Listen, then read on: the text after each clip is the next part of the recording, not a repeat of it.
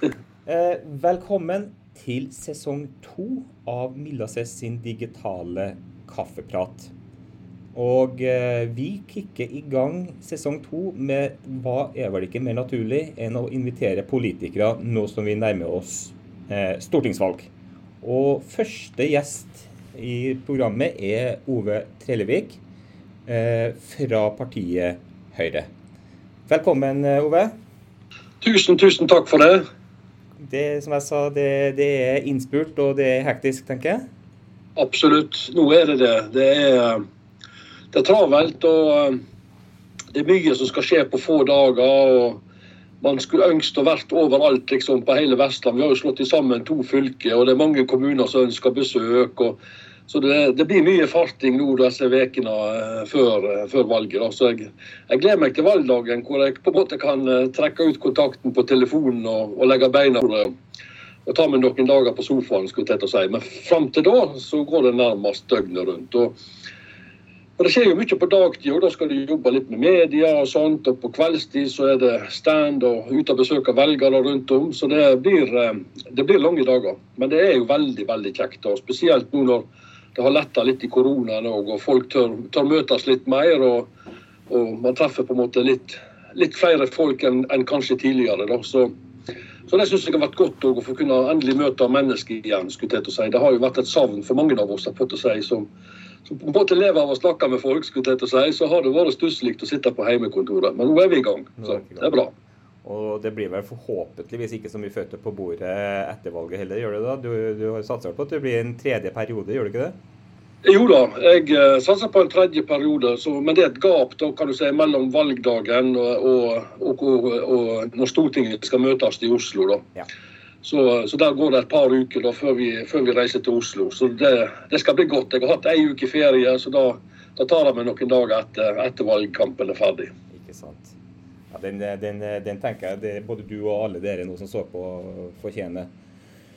Eh, som jeg sa litt innledningsvis, så, så, så, så, er det jo som sagt det er jo valg. Eh, jeg starter nå sesong to av Kaffepraten og syns det er veldig kjekt at både du og de andre politiske representantene nå som har sittet på tinget, og som forhåpentligvis skal sitte på tinget i neste periode også, eh, tar dere tid imellom alt det her valgarbeidet for en liten, liten nedpåprat, som jeg kaller det. da og, og, og Milla uh, sin, uh, sin, kaffeprat er jo basert på mitt engasjement for barn, unge og voksne med funksjonsnedsettelser. Og, og sesong én så hadde jeg jo veldig mye pra, fine prater med foreldre i samme situasjon som meg, og folk som jobber med våre barn i skoler, barnehager, bolig, og noen forskere. Så, så, selvfølgelig, Ove, eh, eh, det vil jo være naturlig for meg å, å dreie det her, eh, samtalen her litt inn på akkurat det temaet. Og jeg vet jo det at dere politikere kan jo ikke vite alt og kjenne til alt. Og dere sitter i forskjellige komiteer og, og jobber ikke nødvendigvis med de sakene. Men, men jeg, sånn, altså, jeg tenker både Høyre som parti, og så er jeg litt sånn nysgjerrig på deg som, som person, Ove. Det er liksom hvordan hvordan står dere eh, i forhold til f.eks. For barn, unge og voksne med funksjonsnedsettelser, og hva tanker har dere rundt deres ve og vel? da? Høyre er jo veldig opptatt av enkeltmennesket enkeltmennesker sine, ja, hva skal jeg si, sine liv. Og vi har jo liksom prøvd å snakke på inn, og utpust eh, nå i valgkampen på liksom pasienten sitt helsevesen. Sant? Det er pasienten i, i, i fokus. Det er, på skolene så er det elevene og kunnskapen og hva elevene klarer å få med seg, som er i, i fokus. Mm. Og I arbeidslivet så handler det liksom om å inkludere og få folk til å, å kunne få muligheten til å delta i, i arbeidslivet. Mm. Og at næringslivet har rammebetingelser som gjør at de kan ansette folk, og at samfunnet på en måte kan komme seg videre. liksom. Så vi har en sånn grunnleggende tru i ideologien vår på, på enkeltmennesket. Og at trua på at et enkeltmenneske kan gjøre et forskjell både for seg sjøl som enkeltindivid, overfor sin familie og sine omgivelser, og for samfunnet eh, eh, ellers. Mm. Og jeg møter mange mennesker som eh, har gitt meg mange gode opplevelser og god verdi, med ulike forutsetninger for å på en måte hva skal jeg si, lykkes i, i et uh, konkurransepreget velferdssamfunn. Mm. Men det er utrolig viktig at vi legger til rette for at uh, enkeltmennesker med ulike funksjonshemminger eh, kan delta på best mulig måte i, i samfunnet. Mm. Så Vi har jobba mye med sånn inkluderingsdugnad, som vi har kalt det for, i de åtte årene vi har jobba nå. og det, det, Inkludering det høres kanskje ut som eh, blir ofte brukt på, på, eh, på innvandring, men det handler òg om å inkludere enkeltmennesker i samfunnet vårt. Så Det mm. handler alltid fra barnehage og skole og arbeidsliv og totalt sett i samfunnet at vi tar vare på hverandre og inkluderer hverandre i samfunnet. Ja. Ja og det er, det, det er, jo helt riktig, det. Eh, det er jo det som er viktig. altså Inkludering eh, handler jo ikke bare om eh, våre nye landsmenn, men det handler jo om mennesker, som du sier. altså Vi alle mennesker føler oss inkludert og kjenner på mestring og, og tilhørighet. da. Mm. Men altså, i, du har jo vært i Sist periode satt du i Kommunaldepartementet eller komiteen, eller forvalt, kommunal forvaltning. Ja. Hva, hva, hva, hva, er det dere jobber med innenfor den komiteen? Altså, Hva felt er det? Kommunal- og forvaltningskomiteen har eh, eh, boligpolitikk. Eh, er jo veldig viktig for å på en måte inkludere alle. At eh, nye bygg blir eh, bygd etter en standard som gjør at alle kan komme seg både inn og ut og leve og bo. skulle til å si, mm. Så det med boligpolitikk har vi ansvar for, og arealpolitikk i kommunene. med Hvordan skal man tilrettelegge for næringsutvikling og boligfelt og, og, den slags. Mm. Kommuneøkonomi og fylkesøkonomi og innvandring og integrering. og så Egentlig så er det en veldig viktig, viktig komité, syns jeg. da, fordi at eh, alle mennesker i Norge bor i en kommune. Mm. Eh, og det er veldig viktig for oss at kommunene på en måte Eh, staten blir ofte litt sånn alltid pekt på.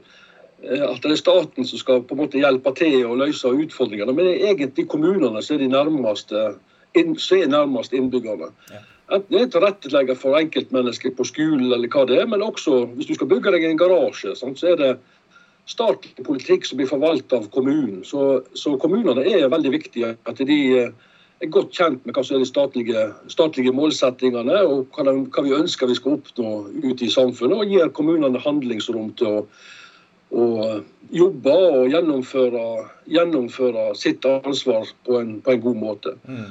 Så skal det òg være rom for lokaldemokratiet og lokale prioriteringer og sånt, så det er viktig at kommunene har en økonomi til å, å nå ulike målsettinger for, for hva, hva, de føler er viktig. Og Det kan være forskjellig fra en kommune, f.eks. her hos oss, Øygarden kommune f.eks., hva, hva vi mener er viktig, og en kommune i Finnmark mener er viktig, eller en annen plass. Mm. Og Derfor er det viktig at kommunene har et snev av handlingsrom uh, i politikkutøvelsen lokalt. Ja.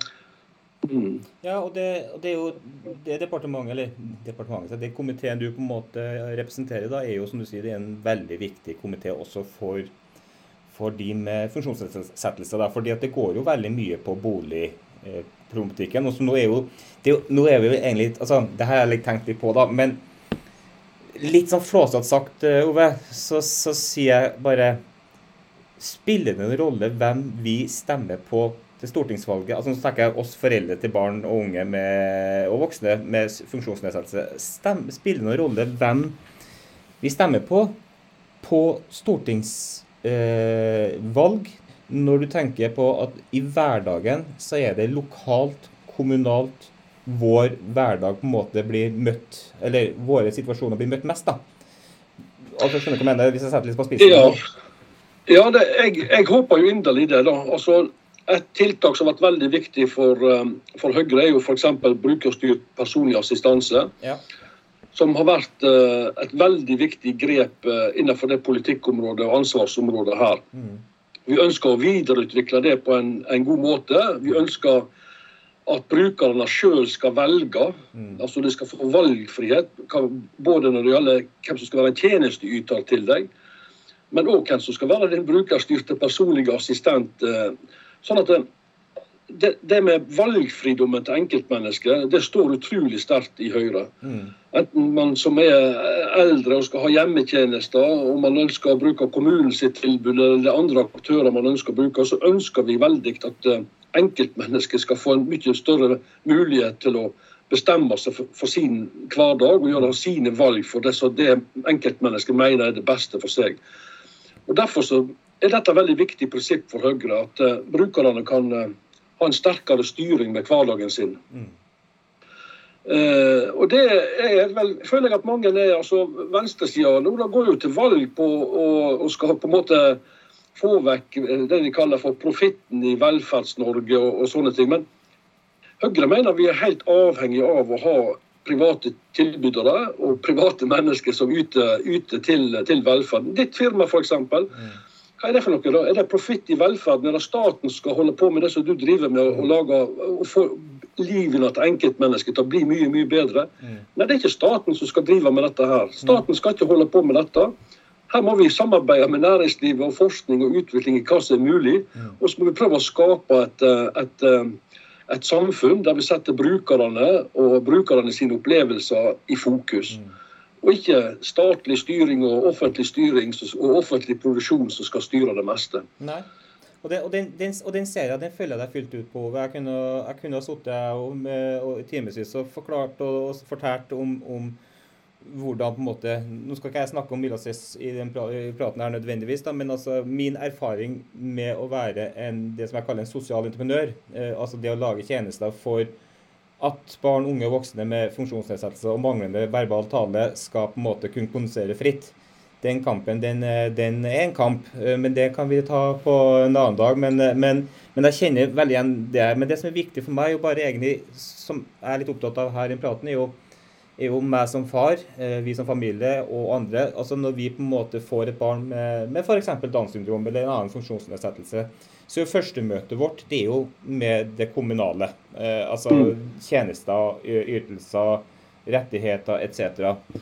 Og Grunnen til at jeg sa litt sånn flåsete litt på spissen, selvfølgelig i forhold til, for det er jo selvfølgelig ekstremt viktig at du tar valg også uh, på nasjonalt nivå, på stortings, stortingsnivå. Uh, men det er bare det at når våre, vår hverdag i, i 99% av tilfellene, så er det det offentlige i, i, i kommunenivå du møter, så går det litt på hvordan du blir møtt altså da snakker jeg kunnskap, uh, tilrettelegging, kompetanse, uh, muligheter. og i den kaffepraten jeg har hatt så langt i år med folk, så er det en del ting som går igjen. Og det er jo det at det er ekstremt forskjell på hvor du bor i Norge i forhold til hvor godt du på en måte blir ivaretatt som pårørende eller foreldre. Hvilke muligheter disse her barna får som enkeltindivider til å bli den beste varianten av seg sjøl, som er mitt mantra i livet. da, altså At alle skal bli den beste versjonen av seg sjøl. Men da må det til rettes, legges til rette. da. Uh, og jeg har jo historier på at uh, du kan få nesten det du ber om i enkeltkommuner. Og så er det nabokommunen, så må du altså da i årevis gå og banke dører og gå kanassogang uh, for å få minimumet da, av, av rettigheter. Eh, det trenger ikke være nabokommuner. Altså, jeg har eksempler fra Oslo, der det avhenger av hvilken bydel du bor i, i forhold til hvilke muligheter, hvilke rettigheter du på en måte har. Og det er da jeg tenker Hvordan kan du som stortingspolitiker, Ove, eh, gjøre at den forskjellen mellom du bor i Øygarden, eller om du bor i Bergen, eller om du bor i Bjerke, eller om du bor på Stovner, for å si det sånn, da. Eh, altså, hvordan kan du som politiker fjerne det skillet, da? Ja, vi, vi forsøker jo f.eks. innenfor eh, skole for eksempel, at eh, man skal ha på en måte en måloppnåelse. Sant? Altså, det må være et, uh, et, mål vi ønsker å nå med at ungene skal gå på skole. og Da bør det jo være innenfor, innenfor eh, omtrent alle offentlige tjenester så må det jo være et formål. og Hva skal vi oppnå med dette? Mm. Så jeg synes jo det at det, Man må utfordre kommunene og politikerne òg til å, å ha målsettinger med budsjettet sitt. her på å si. Sant? Hva, hva vil vi oppnå? Hva vil dere oppnå med budsjettet? Hva, hva er det dere skal nå med dette? Mm. Eh, og Det er helt forferdelig å høre at, eh, at enkelte kommuner eh, ja, nærmest overser noen av innbyggerne sine, sine behov. Mm. Og fokuserer veldig mye på, på andre sine behov igjen. Mm. Så det er ikke bra. Men så er òg inntektene til kommunene litt sånn forskjellige. Vi har noen kommuner som er veldig rike. Kraftkommuner f.eks. som er veldig rike. Mm. Eh, oljekommuner og sånt. Så det har vært et voldsomt forskjell på, på økonomien òg. Men vi har jo noe som heter inntektsutjevningssystemet i kommunesektoren. Mm. Men der har vi ikke klart å få til å få en fordeling fra de rike kraftkommunene til, til, til å være med på en måte og ta et større spleiselag. Mm. Det skulle Høyre ønskt at vi fikk til, men det får vi altså ikke flertall for. Nettopp for å sikre at, at, det ikke blir så voldsomme store forskjeller mellom hva tjenester innbyggerne får. Mm.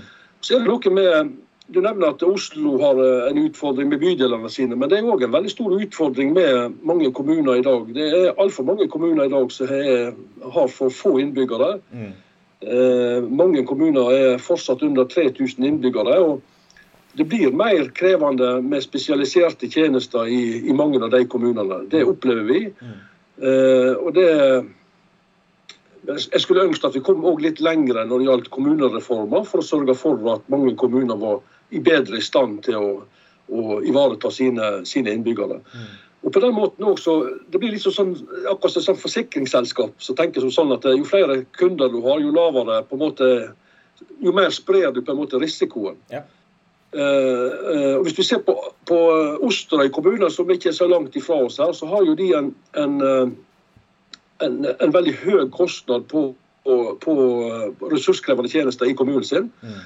Eh, og det kan, det, det kan, være flere årsaker til. Men vi prøver jo å følge med på de kommunene som har det, og prøve å se på hva er det som gjør at enkelte kommuner har veldig høye kostnader på ressurskrevende tjenester. Mm. Liksom Hoper det seg opp? Flytter folk dit for at tjenestene er for gode i forhold til nabokommunen? Eller hva er det som gjør, gjør dette her? Det er viktig at vi prøver å følge med på dette. og og, eh, og sette inn ikke nødvendigvis kraftige tiltak, men vi er nødt til å forstå samfunnsutviklingen. Hva det som gjør at det hoper seg opp. Men så kan det være òg fra gammelt av at det var en institusjon som på en måte er nedlagt, og innbyggerne på en måte er blitt overført til kommunen på kommunebudsjettet fra en statlig institusjon tidligere. Så det er mange årsaker til at vi i enkelte kommuner på en måte har en, en høyere andel med ressurskrevende tjenestebrukere enn i andre kommuner. Mm. Men det er noe vi prøver å følge, i hvert fall. Og så prøver vi å ha et måltall. eller Vi ønsker jo at kommunene skal produsere likeverdige tjenester til alle innbyggerne sine. Det er et viktig prinsipp for oss i Høyre. Men, og det som du sier med skifte kommune, jeg vet jo eh, i fakta at foreldre flytter fra kommuner til andre kommuner nettopp fordi at tjenestetilbudet, mulighetene, rettighetene blir bedre ivaretatt i enkelte kommuner enn andre kommuner. og Det, det, er, det syns jeg er, er kjempetrist. Men, men, men men det faktum at du har den skjevfordelinga mm. i kommunene, uh, så får du jo en ekstrabelastning på foreldre. ikke sant? Altså. Jeg kan jo bare snakke for Downs syndrom, men altså, jeg vet jo det at vi har jo forskjellige forum der vi foreldre har tilgang til og kan dele historier og erfaringer. Og det er ganske sårt å sitte og se på eh, foreldre som beskriver hvor fantastisk de har det i sin kommune, med logoped, med spesialpedagoger, med BPA. Og så sitter andre foreldre, og så har de da gått den veien og banka døra og fått nei og, og blitt motarbeida altså, mer eller mindre i sin kommune. Og det, altså, jeg tenker, det, er jo sånn, jeg vet, det er sikkert vanskelig for dere politikere på, på høyeste nivå å, å, å, på en måte tenke så konkret ned i, i, i kommunesammenheng. men der tror jeg kanskje veldig mye av kimen til frustrasjon og utfordringer med at hver og en kan bli den beste versjonen av seg sjøl, ligger i skjevfordelinga i kommunene. Jeg kan bare ta et eksempel. altså Logoped, logopedi, det, det er en mangelvare. Nå skal ikke dere belastes for at det, det er kanskje ikke er nok utdanna logopeder, men når en kommune ikke kan tilby en kommunal logoped som er god nok, eller hensikt til det du har, trenger, så søker du gjerne da Helfo, altså privat, sant? gjennom privat helseforetak. Og den kampen den skulle du tro var enkel hvis du på en måte kommunen sier at her kan ikke vi levere. Men det er den ikke. Altså Du skal på en måte gå den kanalstorgangen, og du skal ta de der 20 møtene og få høre nesten at du er håpløs fordi du faktisk ønsker at din datter eller din sønn skal ha logoped for å få et godt språk i, i din kommune. Og, og, vi har personlig erfaring med det også. ikke sant? Og, og, logopedi er jo også noe som går igjen, i, i hvert fall innenfor Downs syndrom-miljøet. Det, det, er jo et mangelvare og vanskelig å få. Og jeg bruker å si det at jeg jobber med språk for Milla og de andre. De bruker tegn til tale, og jeg lager gode digitale tjenester for at de skal bli forstått. Neste steget er jo for veldig mange er jo det med vokabular og lydstimulering og den biten der. Eh, for at de skal få et godt verbalspråk etter hvert. Og språk er jo makt. Språk er jo frihet. Språk er jo selvstendighet. Og språk er jo reduserte kostnader. Skjønner du? Altså mm. Fordi at de blir mer selvstendige. De trenger ikke den, kanskje like ofte like mye på, uh, oppassing og, og, tilrettelegging.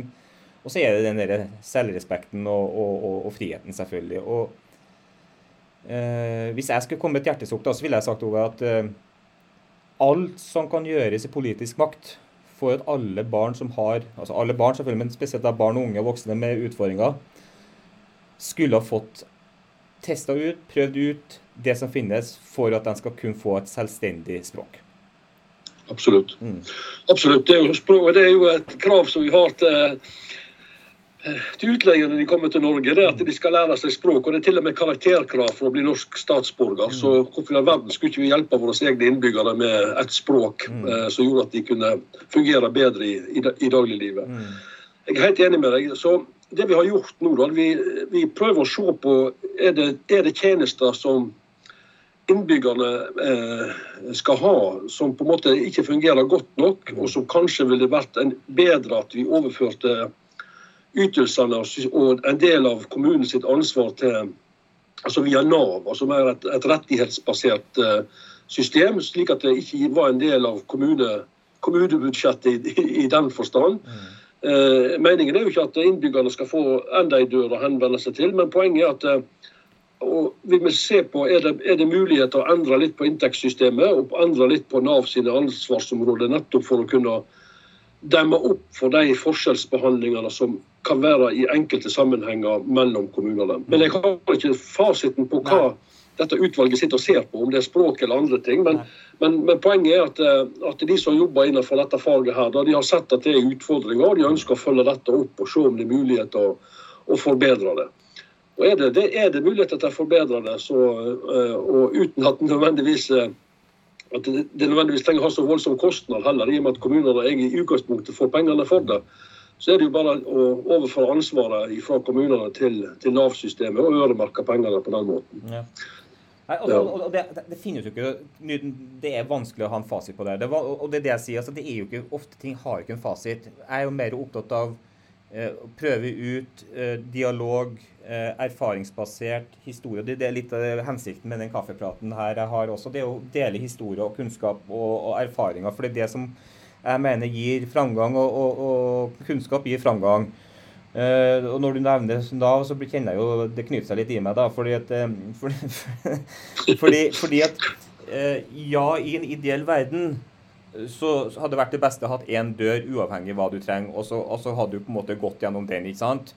Men, men jeg, jeg, jeg, vet jo det at det er jo ikke enkelt å jobbe i Nav. og er, de, har jo, de, har jo, litt sånn restriksjoner, og de også lovverk. og Det er jo mennesker som sitter og behandler hver eneste søknad. Og det er jo da mennesker sine erfaringer og meninger som styrer om, om hva du kan få. Altså Jeg skal ta et eksempel, Ove. Jeg tror faktisk det fortsatt eksisterer. Men, men altså, vi må altså hvert andre år så må vi få en melding fra skriv fra fastlegen om at Milla fortsatt har Downs syndrom. Altså, ja, men, altså, det, det, det, altså, det, er bare et symbol da, på, på, på tungvintheten. Eh, altså, ja, ja, ja. Helt klart. Helt klart. Ja, Det er jo ingen som på en måte blir, blir kvitt eh, Downs syndrom, men det er jo fordi at vi skal jo ha da noe ekstra subsidier, eller altså støtteordninger. Sant? Det er noen graderinger her. Mm. Og da må vi på en måte bekrefte at hun fortsatt har det. Men, og, og, og, og, bare for å ta et annet eksempel, da, er jo det at Nå kjenner jeg at nå ble jeg jo veldig sånn spesialisert her, da, men, men eh, hvis, du tar, eh, hvis, du tar, språk igjen, da, som jeg brenner for, tegn til tale som jeg er, er opptatt av og så er det spørsmålet, da For vår del da, så kan folk få produkter ved å søke Nav. Og folk får det gjennom Nav i dag. Vi er ikke rammebetinga, men får, de får det via dispensasjon bl.a. gjennom regionskontorene, kort fortalt. Men så er jo store spørsmålet da, som disse som jeg sier, stakkars Nav-rådgiverne skal sitte og forholde seg til, er jo hva er Milastress? Er det et hjelpemiddel for direkte avhjelping, eller er det indirekte avhjelping? Altså Forskjellen er at er det et produkt de kan bruke selv til å trykke på noe og få noen til å forstå hva du sier, eller er det et hjelpemiddel som gjør at jeg blir bedre til å kommunisere med deg? Hva er direkte og hva er indirekte? sant? Og det her er, altså, det her er et av kriteriene de skal sitte og vurdere. Og jeg bruker å si det at hvis jeg skal bli god til å snakke med deg, så må jo jeg på en måte ha noen rundt meg som, som hjelper meg til å bli god. Og for de som ikke har verbaltale, så trenger du ekstremt det her språkmiljøet som jeg kaller nettverket, som hjelper meg til å bli god med mitt språk, altså hendene. Og hvis jeg er så dum å skrive da i søknaden Jeg trenger hjelpemidler for at mor og far og alle rundt skal hjelpe meg til å bli god til å kommunisere med alle rundt meg. Så sier Nav nei. Det får du ikke. For det er kommunen sitt ansvar. For det her er pedagogikk, altså spesialpedagogikk eller læring. Mm. Hadde jeg da skrevet jeg trenger det hjelpemiddelet her for at jeg sjøl trenger det produktet for at jeg skal kunne snakke med det, så har han da sagt ja, det her høres ut som et produkt som du kan ha behov for. Og det her valgene er det da altså foreldre skal sitte og ta og skrive. Og det her det var bare et lite sånn hjertesukk i forhold til hvordan verden er for oss, selvfølgelig for veldig mange andre òg, i forhold til den papirmølla, det byråkratiet eh, regelverket. Og, og, det vet jeg gjelder jo ikke bare barn og unge med fysisk eller psykisk utviklingshemming. Det gjelder jo om du er arbeidsledig eller hva det skal være. Du skal gjennom et byråkrati eller offentlig, kommunalt. Men jeg er litt sånn Når du har en veldig liten gruppe i samfunnet Det er ikke veldig stor gruppe i samfunnet i dag som har taleutfordringer pga. funksjonsnedsettelsen. Er det ikke i samfunnets interesse å sørge for at vi alle står og sier å ja, her har det kommet noe som, som tilsynelatende kan fungere. Det er til og med folk som bruker det, og det fungerer. Skal det ikke da være du, det kjører vi på, så prøver vi. Ok, vi ser etter et år, det fungerte ikke, da prøver vi noe nytt. Men kanskje fungerte. Og kanskje den ene da ble bedre å kommunisere. Og da er jo det her kostnadsaspekt også som på sikt vil være mer lønnsomt, er det ikke det? Jo. Dette er jo et uh, eksempel på at uh, det offentlige byråkratiet og det offentlige klarer på en måte ikke å henge med den teknologiske utviklingen. Så at Regelverket er laga for i går, mens det du har laga for, er for i morgen. på en måte. Ja. Og det å få et sånt, et sånt, virkemiddel som du har på en måte nasjonalt godkjent, det burde vært noen ordninger for det. Mm. Så, dette var kjempeflott. Dette må vi kunne få, få rulla ut i, i, i, befolkningen som har behov for det. Mm. Sånn, gitt kostnad og alt dette her greiene her, at det er innenfor de rammene mm. som er. Men det er jo mange andre gode eksempler òg. Det er jo noen som klarer å, å, på en måte oversette det du, det du leser, til, til ord. Mm. Eh, eh, men der er, er etter sånn som jeg forstår det, òg et veldig godt eh, verktøy. Men det, det, det koster det, det, er dyrt, liksom, sånn som jeg oppfatter det. Mm. Men det er veldig viktig at, eh, at eh, både Nav og, og, og, de som jobber med dette i offentlig sektor, på en måte eh, følger med på den utviklingen som skjer òg. Sånn at det, regelverket som du, du opplever veldig sånn byråkratiserende og var fra i går og stemmer ikke helt med hvordan verden er blitt i dag, mm. at vi, er i stand til å endre det. Eh, og, og, og, Nav er jo så regelstyrt i absolutt absolutt alt. Mm. Og, og, på godt og vondt. Ja. Og, vi må jo på en måte ha de forvalter enorme penger, av Nav. Så det er klart det må være litt regler for hvordan eh, ytelsene til Nav skal være, og hvordan dette blir fulgt opp. Men det betyr jo ikke at ikke vi ikke skal ha endringskompetanse. Og kompetanse til å endre oss i takt med den teknologiske utviklingen i samfunnet. Så det er helt uh, utrolig viktig at, uh, at dere som driver med innovasjon, helseinnovasjon, innovasjon innenfor, og det er mye innenfor både for Eh, ja, legemidler. og Der følger vi jo med. Det er jo egne folk som sitter og ser på. Men det burde kanskje være på, på teknologi òg. For alt jeg vet, så er det det. Men, men eh, når jeg hører sånne historier at det, at det er veldig sånn krevende å komme inn på markedet, og, og du liksom faller mellom to stoler pga. Er, det, er det hjelp til meg eller er det hjelp til deg for at du skal forstå meg? Altså, mm. altså, det er sånne nyanser som er helt bagatellmessig når alt kommer til alt. For Poenget handler jo om at eh, at et enkeltmenneske skal bli forstått. her, måtte du si, sant? Ja. Det er det det handler om. Og Nå var ikke det her for å på en måte igjen eh, snakke om Milla, for det, Milla ses, for det, det, var egentlig bare et eksempel på hva er det vi som foreldre står overfor av, eh, av eh, jungel. da. Og, og, og, det er jo en av mine kjepphester også vært, og jeg har uttalt meg litt i media om det. Også, det er jo det at eh, når du får et barn eh, med funksjonsnedsettelse og, eller en diagnose eh, så, så, møter du den jungelen her. og Det var en far som beskrev det så veldig godt i en bok som heter von Mariken. Som, han beskrev sin datter med Downs syndrom. Han var øh, journalist, og, og, kona var jurist. Og han sa jaggu var vi heldige. Jeg er journalist, jeg kan skrive, hun er jurist, hun kjenner lovverket. Og Og det er jo det som er sånn at Foreldre må plutselig bli altså jurister og journalister og psykologer og pedagoger og spesialpedagoger og ting du ikke har forutsetning for og ikke skal være, for du skal være mor og far.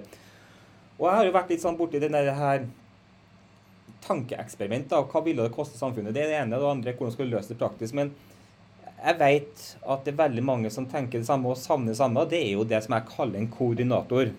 Altså Idet du får et barn med en diagnose eller en utfordring, så har kommunen en koordinator som følger deg fra vugge til grav, nesten, altså hvis du skjønner, altså som hjelper deg med hvilken hjelpestønad skal da, hvilket språk er det du skal fokusere på, hvilke hjelpemidler trenger du da, hvordan skal vi legge til rette for barnehage, skole, søknader, som er ganske mange. Fordi at det her klarer ikke folk å ta inn over seg, og da får du kanskje mer bort, da. Det er forskjellen mellom Øygarden og Bergen, eller Stavanger og, og, og Sola, eller altså, skjønner du? Altså, fordi det er en profesjon, det er et miljø som snakker ikke bare kommunalt, men på tvers da, av kommunene, og som har et dialog med det statlige på en eller annen måte. ikke sant? Sånn at mm. det blir i hvert fall likhet i mye større grad. Altså, å ja, Sånn gjør de det i Oslo, og det fungerer veldig godt. Dette må vi adoptere til de andre kommunene. Du trenger støv... Ja det offentlige blir veldig sånn sektor, sektororientert. Ja. Altså, de som jobber med skole, de har ansvar for, for skole. De som jobber med barnehage, har ansvar for barnehage. De som har ansvar for helse, jobber med helse. Det er ikke noe, det er ikke noe som tar ansvar for eh, at eh, disse tre enhetene og, enda flere enheter på en måte snakker og kommuniserer litt bedre i dag. Men på Askøy så er det et uh, litt sånn spennende prosjekt nå som heter Origo. Mm. Hvor de putter på en måte enkeltmennesket i, i, sentrum, og det skal være ei dør inn til kommunen. Og hvor man forsøker nå da i det prosjektet å prøve å, og sørge for at det, det, blir ett menneske som har et sånt koordinerende ansvar for, for brukeren. Så kanskje det kan lære oss noe om hvordan vi kan jobbe i offentlig sektor med å være tettere på uh, enkeltmennesket, tettere på brukerne av kommunale tjenester. Mm. For nettopp å fange opp uh, fange opp uh, dette her. Og du skal jo være ganske ressurssterk òg. Og, og, følge opp kommunen, skulle jeg til å si. Det, for først skal du ha tid til det. For det, det å sitte i endeløse ventinger, 'jeg kan ikke hjelpe deg' og, og, og Nav f.eks. Det er sånne det er sånne grelle eksempel av og til med, med, tidsforbruk for å få svar på helt enkle, elementære ting. Så Eh, jeg tror nok absolutt at kommunene kan eh, organisere seg mer sånn brukervennlig eh, i møte med mange mange brukere. Mm. Absolutt. Så det blir spennende å se litt til Askøy, hva erfaringer de gjør seg. Om dette er noe vi kan gjøre, spre ut skulle jeg si, som en erfaring fra en kommune til andre kommuner hvordan vi kan vi, eh, på en måte jobbe litt tettere med, med innbyggerne våre og brukerne. Ikke sant, og Det tenker jeg er fornuftig. Det er noe, selvfølgelig, det trenger ikke å starte med hele Norge, men det er lurt å starte med noen forsøkskommuner på det. fordi ja. det er, ja, jeg ser det nå. Men jeg bare tenk litt nå, du, du er jo innenfor kommune og bolig. Det er jo mye det er jo mye utfordringer med bolig og psykisk utviklingshemmede. Mm. Eh, jeg vet ikke om du er klar over det, men, men altså, det er jo ganske mye grelle situasjoner der ute. Eh, og så er det veldig mye gode situasjoner der ute. Altså Det er veldig mye gode boliger, og så er det veldig mye dårlige boliger. Uh, og Nå skal jeg heller ikke stille deg til ansvar for det, men det er jo litt sånn, litt sånn, litt sånn diskusjonsmessig. I hvert så er det jo sånn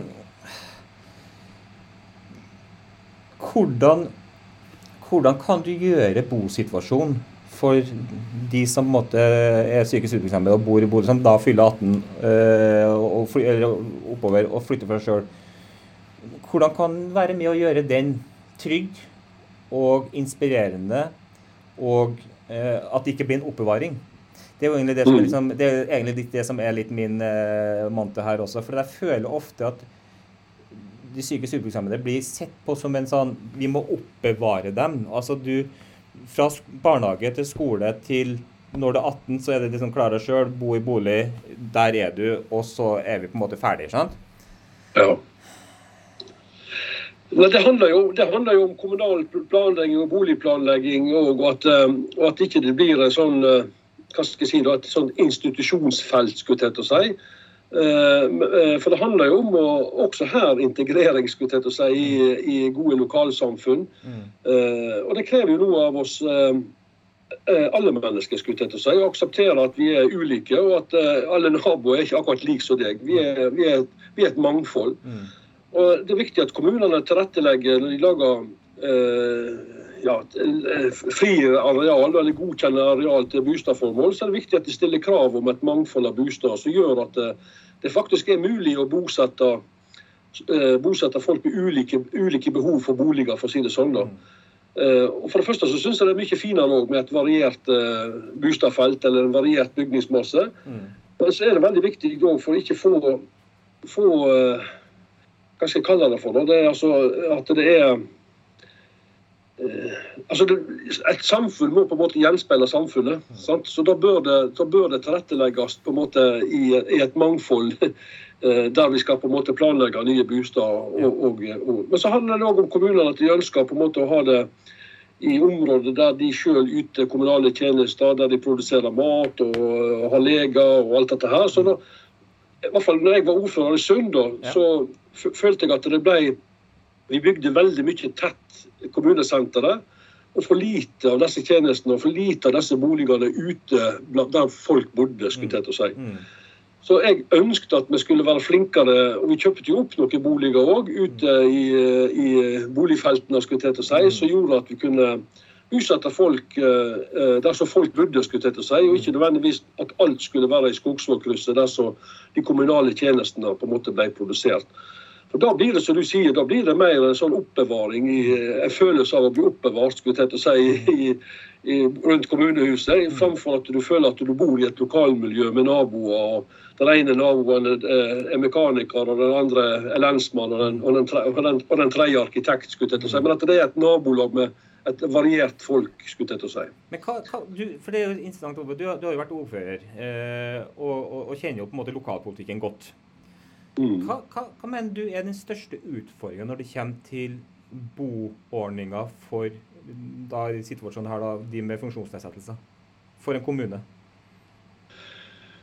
Jeg opplevde kanskje at, eh, at, eh, det kom bardus på at vi hadde et bosettingsbehov. skulle jeg til å si. Mm. Eh, og det burde det ikke være, for det kunne vært planlagt bedre. Og Spesielt når man går ifra, ifra å være Eh, boende hjemme med foreldre f.eks. For til å skulle bo være 18 og bo i egen bostad, og sånn, så, så, går dette an å planlegge på en annen måte i, sammen med familiene. Mm. Uh, men så, hvis du planlegger òg, så dukker det plutselig opp andre behov. Og, og, og, det gjør at små kommuner ofte har litt sånn problemer med å, å tilrettelegge og, og, ha en boligmasse i reserve. Det koster jo ganske mye, det òg. Mm. Så vi ønsker jo på en måte at den dagen folk har behov for tak over hodet, så skal de få tak over hodet. Og at ikke det skal gå for lang tid eh, før, før, man ordner opp og får det til. Mm. Men det var veldig krevende, og da havna vi ut på det ordinære boligmarkedet og måtte liksom kjøpe over natta. Og, det, og, da ble det ikke det den boligen som vi egentlig ønsket, eller vi burde ha fått tak i, liksom. Nei.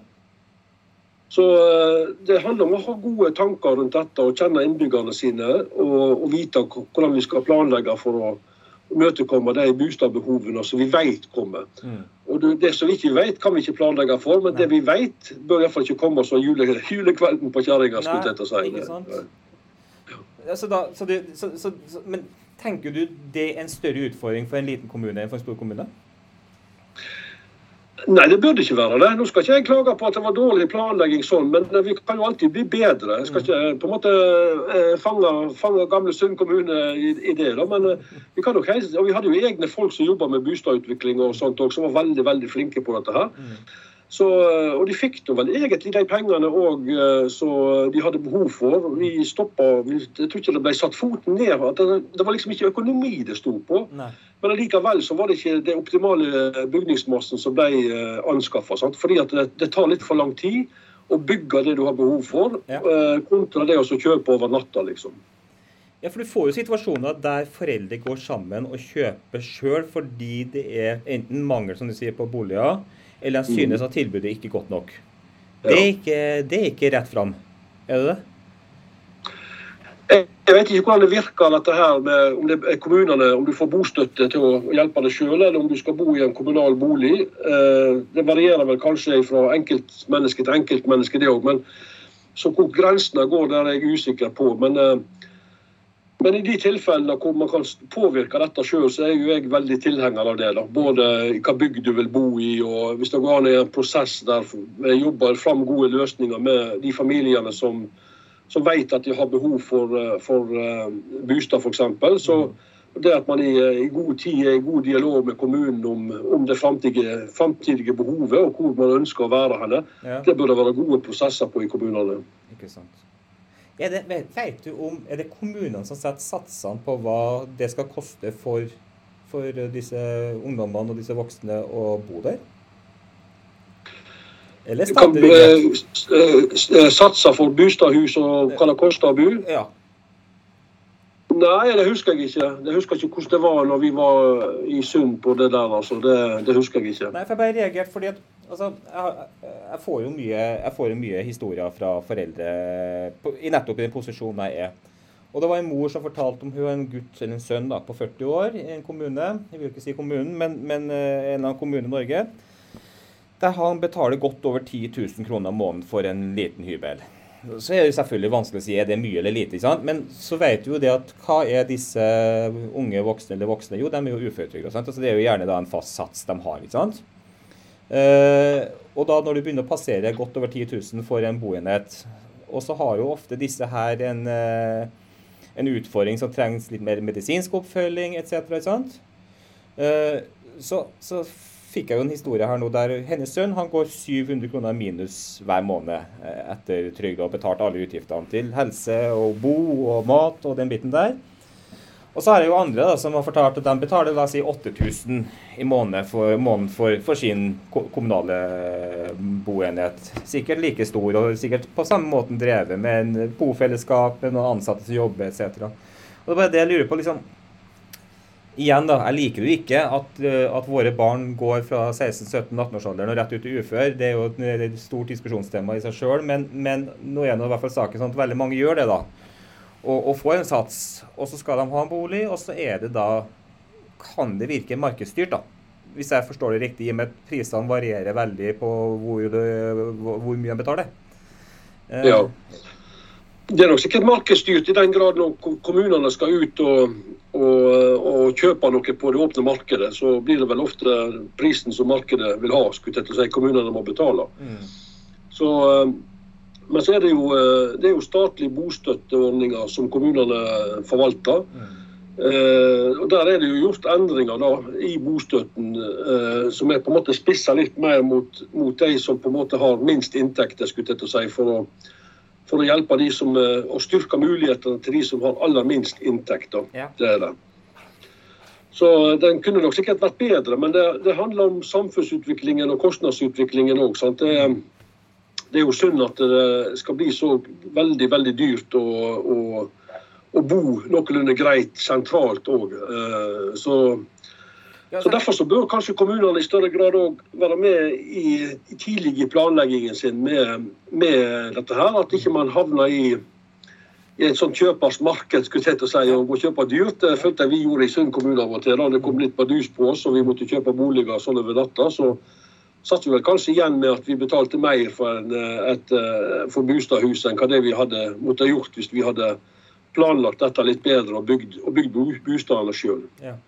Ja, nei, og, jeg er enig, og, og markedsstyrt ikke er nødvendigvis motstander i det hele tatt. ikke det, Men jeg bare tenker at her har du en gruppe som er gitt en situasjon, gitt en noenlunde lik, lik uh, inntekt, men, men, de har jo ikke en sjanse hvis boligene blir for dyr, for da ender de med å gå minus, og da må mor og far inn kanskje og subsidiere, og det er også en belastning for veldig mange. ikke sant? Noen klarer det fint, andre klarer det ikke. ikke sant? Altså, det, er jo, det er jo igjen da, noe med det her, men, men jeg ser jo det at det, det her er jo igjen da ned på kommunalt nivå. men og det viktigste er jo selvfølgelig å ha nok og gode nok boenheter, sånn at de klarer seg sjøl. Og kompetansen på boenhetene er jo ekstremt viktig. Eh, der også varierer det veldig, veldig mye. Men, men, litt sånn nysgjerrig på, som jeg fikk også et innspill på her fra noen, altså det er jo ferie. Ja, ferie. Ferie, ikke sant? Når, når jeg og du eh, logger av, eh, ikke når det er valg, da, men ellers logger av når det nærmer seg fellesferien, så kan jo vi velge fritt fra hvor er det vi vil reise, sant? Mm. Og hva vil vi gjøre? Det kan jo ikke nødvendigvis en mann på 40 eh, med en funksjonsnedsettelse som er avhengig av kanskje en PPA eller kanskje en støtteordning på, på, det. Han kan ikke gjøre det. Altså, er det du nå har erfaring med? Men altså, men altså poenget er bare er det noe der som burde vært gjort? Burde, altså, ka, ka, altså, hvorfor kan ikke det legges mer til rette for også ferieordninger for funksjonsnedsettelse, med de med funksjonsnedsettelse? Og hvorfor skal de betale selv for at de skal kunne få lov til å reise på ferie? Det er klart at alle har behov for litt endring i hverdagen. skulle jeg til å si. Så det å lufte seg litt, litt er jo selvfølgelig noe alle bør, bør få muligheten til. Mm. Men det er jo klart det er, det er jo selvfølgelig krevende for, eh, for, kommunene å dekke opp sånne kostnader òg. Det vil jeg tippe det. Men vi ser jo nå da på hvordan vi kan Vi mener jo sjøl i Høyre at dette med brukerstyrt personlig assistanse har vært en suksess. Mm. Og vi mener at det er en ordning som vi kan eh, utvikle mye, mye mer. Nettopp kanskje òg for å kunne bistå andre til å kunne reise mer og være mer aktiv i samfunnslivet. Og, og kanskje faktisk òg mange kan, eh, kan, delta i samfunnet i arbeid. Mm. Uh, og på den måten også, så, så uh, Hvis du klarer å utvikle denne ordningen der i en mye større grad enn det vi har fått til i dag, mm. så kan vi jo kanskje forhåpentligvis se en situasjon der folk i større grad kan delta i arbeidslivet mm. enn en det de gjør i dag. Og på mm. den måten òg kanskje òg være med å, og finansiere en fritid og en ferietur på en annen måte enn den muligheten de, de har i dag. Så jeg har tro på at hvis vi klarer å inkludere flere med med den arbeidsevnen som de har. Og det er jo mange som jobber. Og vi burde jo på en måte Jeg skulle ønske at liksom, samfunnet var sånn at, at vi skaffa arbeid til alle de som ville arbeide. Ja. Og tenker deg hvor flott det kunne blitt. Ja. For det er jaggu meg mange som har lyst til å være med og delta i samfunnet, men de får rett og slett ikke muligheten til det. Nei. Uh, så jeg tror at hvis vi styrker den der brukerstyrt personlig assistanseordningen og på en annen måte, eller på en bedre måte, og videreutvikle den, mm. så har jeg tro på at flere faktisk også kan inkluderes i arbeidslivet, og på den måten òg får en større verdi i dagliglivet. Men òg mer å rutte med, rett og slett. For da må du jo, må jo ha noe igjen for når du faktisk stiller på jobb og er delaktig. og og sånn, så, så, så, skal man ha noe igjen for det. og På den måten så kan man styrke økonomien til de som deltar. Ja, og Det, det syns jeg er interessant. for det, det, som du sier med BPA her, er jo, er jo, et, er jo et hot tema nå for tida. sant? Eh, og, og, nå kives det jo om hvem som skal være best på BPA plutselig. fordi BPA har jo vært vanskelig tungvint. Ikke alle får, det er ikke alle kommuner som har. og Så har du nå begynt å få flere og flere private aktører innenfor BPA som kan tilby det. Men så får du da igjen også her litt sånn med, med, med, med logoped, som jeg fortalte innledningsvis. Og så får du en liten clinch kanskje mellom kommune og, og foreldre og BPA-selskapet. ikke sant, Jeg vil bare si innledningsvis, jeg håper jo du skal få lov til å forklare meg hva du tenker rundt BPA, og hva, hvordan det vil gjøre den bedre. Men jeg har jo da en svoger som også er, har en funksjonsnedsettelse og bor i bolig. Og han jobber altså fra åtte til halv tre på en videregående skole på Årstad. I kantinen hver eneste dag. Aldri vært mm. sjuk. Uh, jobber like godt som alle andre. Han har fem uker ferie. Da sitter han fem uker i leiligheten sin på boligen. Ja. Og da har han jobba hver eneste dag i, fra åtte til halv tre. Og, men han har da altså ikke råd eller han har råd til å reise, men han trenger assistanse. Han trenger folk til å være med. Det, får, det får han ikke. Nei. Men bare, bare, det var bare sånn, et lite apropos her i forhold til nettopp det som du sier med BPA. For jeg tror, det er, jeg tror det er en vei å gå. Og Hvordan er det dere tenker at den skal gjøres da? bedre? Nei, nå er det et utvalg som ser på hvordan, hvordan kan vi videreutvikle BPA-ordningen. Jeg skal ikke på en måte konkludere med hva de kommer til å konkludere nei, med. Nei. De må bare få jobba seg ferdig. Men, men eh, min ambisjon, da, for å si det sånn, eller mitt ønske da, for samfunnsutviklingen, for å si det sånn, da, det er jo at, uh, at uh, de som får tildelt en BPA, eller en, en ja, henhold til diagnose og behov og alt dette her, mm. at de satt med pengene. Mm. altså Det var de som forvalta BPA-ordningen og, mm. og, og, og, styrte den ressursbruken. Mm.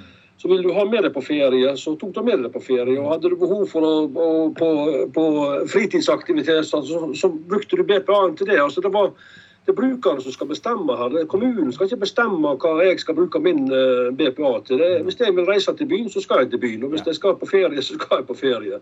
Så det handler igjen om å sette brukerne i fokus, og at brukerne sjøl blir herre i eget liv. Det er et viktig prinsipp for Høyre. Så vi må vri den tankegangen fra systemtankegangen til kommunen skulle til å si, og mer til å styre, styre det mot brukerne sine rettigheter. Det er han sjøl som skal sitte på den pengesekken. Hvis noen skal ha han, så skal de konkurrere om å bli den beste til å gi han ytelser. Det er, det, det som er min, min målsetting da, liksom. Ja, men Det der høres, det her høres veldig godt og betryggende ut, Ove. Det håper jeg dere jobber for. Jeg ser jeg vi begynner å nå har vi, nå har vi holdt på egentlig den tida vi skal holde på, men, men, men helt eh, avslutningsvis, og det er jeg nødt til å stille alle når jeg skal snakke med dere. Eh, det var jo en debatt eh, rett før sommeren, eller rett over jul, eh, som handler om eh, FNs menneskerettighetskonvensjon eh, og inn i norsk lovverk. eller, ja. CRPD, det det heter. Mm. Mm. Den ble jo ikke stemt gjennom. Nei, altså vi, For det første så har vi, vi har den konvensjonen da, den tiltrådte jo Norge i 2013. Mm. Så det den diskusjonen her handler om, det handler om i, i, i, hvor stor grad skal vi på en måte implementere dette i, i norsk lov. Ja. Uh, og vi skal jo ikke bryte menneskerettighetene. Vi er et velferdssamfunn. Mm. Uh, men jeg har mer tro på, i, framfor at alt skal reguleres i lover og detaljer, mm mer sansen for at eh, brukerne sjøl skal få lov å definere deres, sitt eget behov. Mm. Og at alle ressursene som samfunnet bruker, mm. skal brukerne være med på å bestemme hvordan de skal brukes. Mm. Det skal ikke nødvendigvis være regler for dette og systemer og styring rundt absolutt alt. Jeg ønsker at brukerne i mye større grad skal kunne påvirke sin hverdag, og òg ha ressurser og det offentlige, på en måte, hvordan de offentlige bruker ressursene som omhandler meg. Jeg vil, jeg vil være med og påvirke dette. Mm. Derfor er vi i Høyre litt eh, nøkterne til, til, akkurat at eh, et utvalg som skal sitte borte i New York, som skal bestemme dette. her. Ja. Det er bedre at, uh, å sette brukerne i fokus her hjemme, tenker vi da. Uh, uh, framfor at, uh, at utvalg borte i New York skal bestemme hvordan disse, disse, reglene skal på en måte fortolkes og forvaltes i Norge. Vi har et velferdssamfunn i Norge så jeg mener vi er, er gode på mange områder, men vi kan faktisk bli mye mye bedre òg. Mm. Hvis vi klarer å sette brukerne mer i fokus enn hva det vi har klart. Men, det, men det, der er vi enige, Ove. Og, og i en ideell verden Eh, så, så, så, er det veldig bra. Men i de tilfellene der det som du sitter og sier nå om, om menneskets rettigheter og valgfrihet og alt det her som, som vi har snakka om nå, så har du hørt bare et sånn par, par, knipper med eksempler på at ting ikke fungerer. og Du, du kan liksom dra en, en ganske stor uh, bok med, med, situasjoner rundt omkring som går alt ifra Uh, rettigheter og muligheter i forhold til språk, oppfølging, ta denne Helfo-saken som jeg sa, boligpolitikk. Eh, hvordan har de det som bolig? Det brytes jo menneskerettigheter i bolig, i, i, i skole. Det brukes tvang eh, i enkeltsituasjoner. Og så sier du at men vi skal klare å ordne opp i det sjøl, og det er jo veldig bra. Men hva gjør de når, ikke, når de ikke kommer videre, når de, når de står og stanger huet mot la oss kalle staten, da? Eh, men hva er, hva er, forskjellen hvis vi bryter menneskerettighetene i dag, mm. og bryter, og bryter en, eh, en, annen lov hvor med hjemmel i menneskerettighetene? Hva er forskjellen? Mm. Så lenge samfunnet ikke klarer å ta tak i det. Mm. kan gjerne klage på læreren og si at nå har du brukt tvang på, på sønnen min. Det har du ikke lov til i henhold til, til, en lov. Mm. Du har ikke noe mer eh, sanksjonsmuligheter i dag mot den læreren enn du har mot FNs menneskerettighetskonvensjon som vi vedtok i 2013. Så det handler om hvordan samfunnet takler og håndterer og jobber med dette her. Mm. Eh, jeg har ikke tro på at vi kan på en måte lovbestemme oss det, eh, og detaljregulere oss til et så veldig mye bedre samfunn enn det vi har i dag. Nei. Det handler rett og slett om hvordan vi forvalter eh, eh rikdommen vår, mm. og hvordan vi samhandler med enkeltmennesker og mm. sørger for at de får dekka sine behov. Uh, og alt, Vi har vært gjennom det nå, og Nav-systemet er så regelstyrt at det er helt bort i staur og vegg for mange av oss. Mm. Jeg skulle ønske at det var mye mer fleksibilitet i systemet, mm. men det går ikke an, fordi at de forvalter enorme verdier. Mm. Og Det å ha enda mer av sånne regelstyrte greier, det er ikke sikkert det er løsningen for det enkeltindividet, hvis ikke det er makt bak det. Og Skal enkeltindividet ha makt bak det, så syns jeg at da krever de da fortjener de å sitte mer på i førersetet i sitt eget liv enn hva det de har muligheten til i dag. Men Kan ikke du da egentlig si det samme i forhold til barn og diskriminering også? For der har vi jo der, I forhold til barn, barnekonvensjon og, og menneskerettigheter der, og dis, i forhold til diskrimineringsbiten Jo, vi er jo dømt i menneskerettighetskonvensjonen i barnevernssaker flere ganger. og, og så, Sånn sett så peker det jo på en utfordring med å bli for regelstyrt dialog. sant? Mm. Der har vi jo regler for barnevernet eh, som, som, på en måte eh, Menneskerettighetsdomstolen mener faktisk er i strid med konvensjonen. Mm. Eh, eh, eh vi oppnår ikke det som var konvensjonen sine, sine, si, eh, sine formål. Nei. Og så er det jo motstrid òg. Retten til, til, familieliv og, og, og, retten til å, å være sammen med, med, med, dine egne kontra barns rettigheter med, om vern. skulle jeg til å si, sant? Så det, men det, uansett til syvende og sist så blir det jo noen valg andre enkeltmennesker må ta. Ja.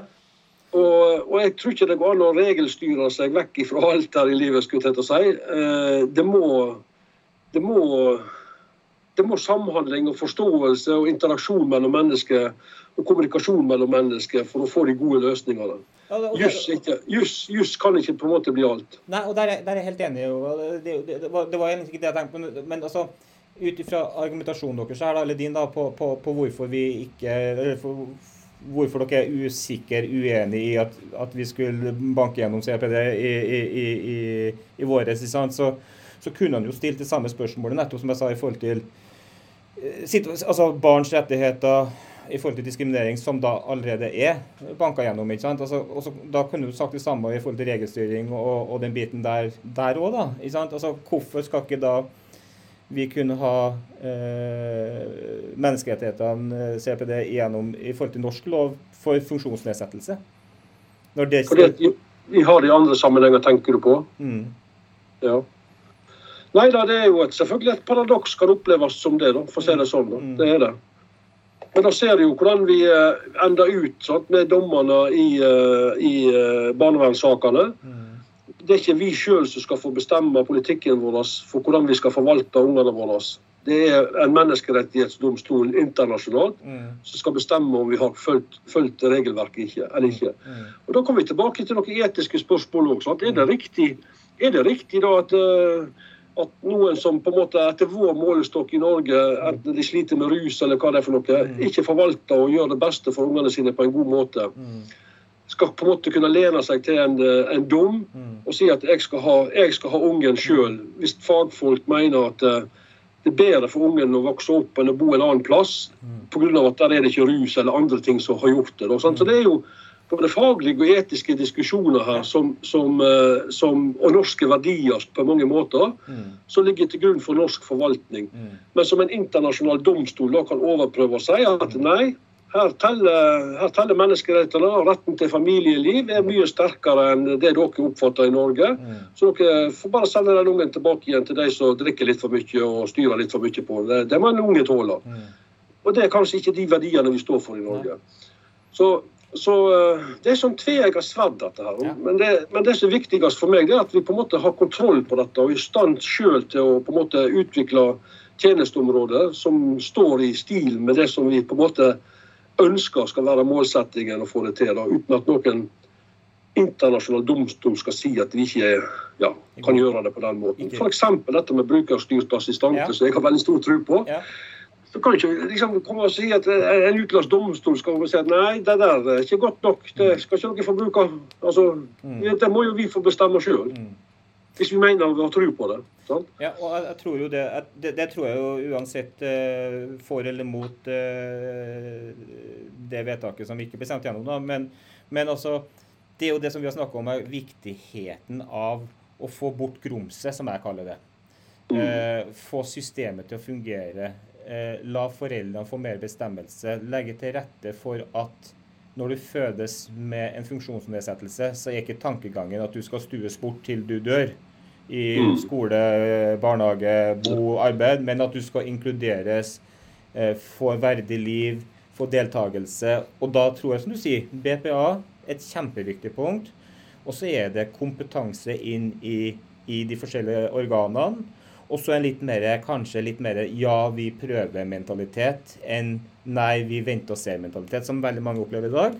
Og så er det jo den koordinatoren da, som er veldig tilhenger av, som kan avlaste foreldre. Foreldre i dag, største utfordringen deres er ikke barnet. Største utfordringen er den kampen mot systemet. Og det er ikke bare en, snakker ikke kamp om at du står og kjemper hele tida, men det er tankespinn, det er verbalt, og det er fysisk. Altså Det er ganske mange aspekt. Eh, og du får liksom aldri tid til å være forelder til ditt barn, fordi du skal gjøre alle de andre rollene i tillegg. Så, men, eh, men, eh, jeg syns jeg har en veldig bra, fin kaffeprat, eh, Ove. Og så bare ett siste, da. Det skal ikke du tas på i hele tatt, men jeg har bitt meg merke i en ting. Jeg satt og så på eh, NRK sin nettside, så var det, sånn, det er valgbarometer overalt Noe, sant? og så var det sånne bobler med, med punkter, liksom, hva du bryr deg om. ikke sant? Altså, det var miljø, og det var olje, og det var bil, og det var bolig, og det var alt det her. sant? Og så var det noen som var store, og så var det ble mindre og mindre i forhold til, sikkert i forhold til eh, aktualitet og popularitet. sant? Ikke ett punkt omhandler funksjonsnedsettelsessaker. Eh, altså det, det, det, er ikke et tema eh, i valgbarometer. Det er ikke et tema i den store valgdebatten. Eh, og det er jo veldig forsvinnende lite tema det må jo det ta tilbake. Det skal alle politiske partier få ta tilbake. For det er veldig forsvinnende lite fokustema i partiprogrammene. En finner det hvis en søker godt. Eh, mm. Og hvorfor er det sånn? Er det fordi det er, en liten, det er så liten gruppe? Jeg regner meg ut sånn cirka, at det er sånn ca. 70 000 mennesker i dag med mer eller mindre funksjonsnedsettelse. Uh, er det så liten gruppe at det er ikke aktuelt, ikke interessant, gir ikke nok stemmer? Eller er det media som ikke finner nok interessant, eller tror det ikke nok interessant, siden det ikke er på tapetet valg etter valg? Ja, det. Det er jo eh, Altså, det er jo eh, Jeg tror at mye av partiprogrammene på en måte blir liksom meisla ut av, eh, av, de store ideologiske linjene, og så blir det liksom brutt ned til mer sånn konkrete, konkrete ting. Så Så for meg så handler mye om dette, dette innom, innom, det som er noe av det grunnleggende i Høyre. At, eh, at, vi ønsker på en måte å bli herre i eget liv, og at folk må få lov å bli, bli herre i eget liv. og At vi skal på en måte ha valgfrihet og, og ja, vi skal styre hverdagen vår sjøl som enkeltmennesker, og ikke nødvendigvis staten og kommunen som skal bestemme altfor mye for oss. skulle jeg si. Mm. Så kan du bryte dette ned til en rekke diagnoser og alt mulig, liksom. Mm. Men uh, vi, vi, har ikke vært flinke å adressere en del sånne ja, problemstillinger som du tar opp her. Og, og Derfor er det veldig viktig at uh, vi får lov å bli invitert med til en sånn prat som dette her. For det er faktisk både lærerikt og nyttig og veldig interessant. Uh, men òg uh, reise rundt på institusjoner. Det gjør vi jo òg som politikere. Vi har vært på flere plasser og besøkt. og så det er viktig at vi, vi på en måte blir eh, på en måte informert om de utfordringene som ulike grupper i samfunnet har. Så, så Derfor er jo også denne podkasten din her veldig viktig for, for uh, kommunikasjon kan si, med omverdenen. At vi blir gjort oppmerksom på hvilke utfordringer mange i samfunnet har. Så er Det jo ofte sånn at mange svake grupper de er, de er ikke sterkere enn seg sjøl. Si. Det er ikke så mange andre som er talerør for dem. Så, så det er viktig at, eh, at noen tar opp, eh, tar opp, telefonen og er, er et, et talerør og har en mulighet til å kommunisere de utfordringene som, eh, som ulike grupper i samfunnet har. Ja, for du tenker det at det, det, har en påvirkning i forhold til altså Samfunnet påvirkes gjerne av hvordan kanskje media da velger å fokusere. Hva er det, det, det top notch-sakene nå? ikke sant? Hva er det hot-greiene? Eh, og så er det som du sier de sterke grupperingene får fram sine saker. så Jo sterkere, jo lettere får du fram dine saker. Det, sånn? ja, det, blir jo, det, blir jo, litt sånn at eh, Vi blir jo litt påvirka, det må vi jo bare innrømme, ja. ulike interesseorganisasjoner som renner oss ned på Stortinget. sant? Ja. Ja.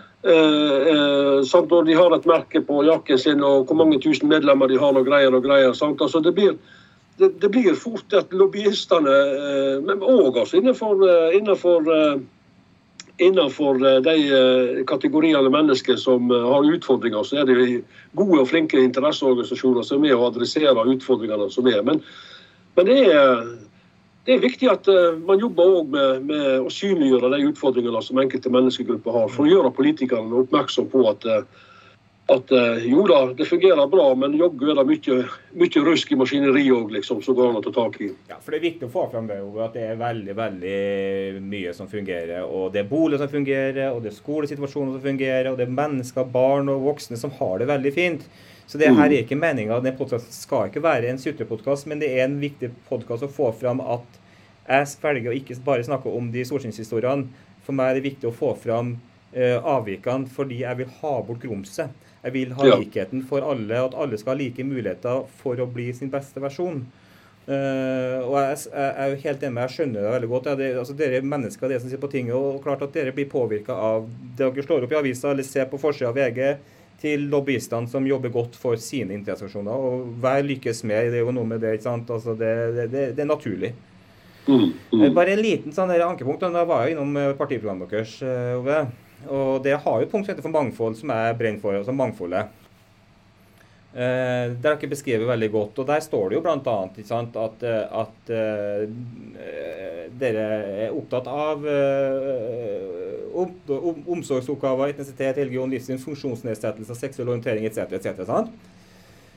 Men jeg savner jo da hvor er det som går videre i forhold til funksjonsnedsettelser. Da har dere, altså Under mangfold så har dere et veldig viktig skal sies, eh, punkt eh, og en utgreiing om LHBT. Sant? Eh, som er viktig å få fram. Men jeg skulle ønske at dere gjorde noe av det samme også for de med funksjonsnedsettelse, for det er det mangfolds... Den gruppa i mangfoldet som ofte eh, ikke ignoreres, men glemmes. Mm. Så det er en sånn tankevekker dere kan ta tilbake til neste absolutt. gang. Absolutt. absolutt. Så dere inviterer meg, skal jeg heller snakke for dere. ja, det er en utfordring når vi er disse prosessene da, med å lage program til å både, ja, både ha det kort og sånn at folk leser det, skulle jeg si, men samtidig så omfattende at du faktisk du får med de tingene som du faktisk er opptatt av. òg. Så Vi prøver jo kanskje å bruke litt ord som er litt sånn Ja, litt mer at vi er litt mer uh, inkluderende i ordbruken, skulle jeg til å si, i den forstand. Og ønsker på en måte ikke være ekskluderende. Sant? Så, så Mangfold og inkludering er jo viktig, og så håper vi på at vi kan rekke over flest mulig med, med, med slike formuleringer. Men, men, jeg er helt enig i at vi kunne hatt et større fokus på enkelte særgrupper som eh, faller, faller utenfor i mange sammenhenger. Ja, og så er det en gruppe som er vanskelig å forholde seg til. og Det har jeg snakka med, med, NFU om, og det har jeg snakka med andre organisasjoner som har jobber med psykisk utviklingshemmede. Altså det, det er jo så mange grader, og det er så mange ulike diagnoser. Og det er ukjente diagnoser, det er kjente diagnoser. klart at det, det, du skal liksom favne om alle, men da er det, som jeg bruker å si, det er, er språk, det er skole, barnehage, skole selvfølgelig, altså oppvekst, og det er arbeid og bo. Altså, Hvis en mm. har orden på de sysakene der, og legger til rette for, for, best mulig der, så tror jeg du kan omfavne ganske, ganske mange av de 70 000, uavhengig av diagnose og, og, og, og grad. altså. Og der tror jeg BPA-en som du snakker om, den tror jeg det er viktig å håpe dere alle på, på, Stortinget neste periode jobber godt sammen for å få en, en mye bedre løsning på enn det som allerede eksisterer. Helt klart. Du, Tusen takk, Ove. Da ble det her en veldig lang podkast. Det, det var eh, kjempekjekt. Det var utrolig kjekt å snakke med deg. Jo, sjøl takk, og tusen takk for muligheten til å få være med deg her i dag.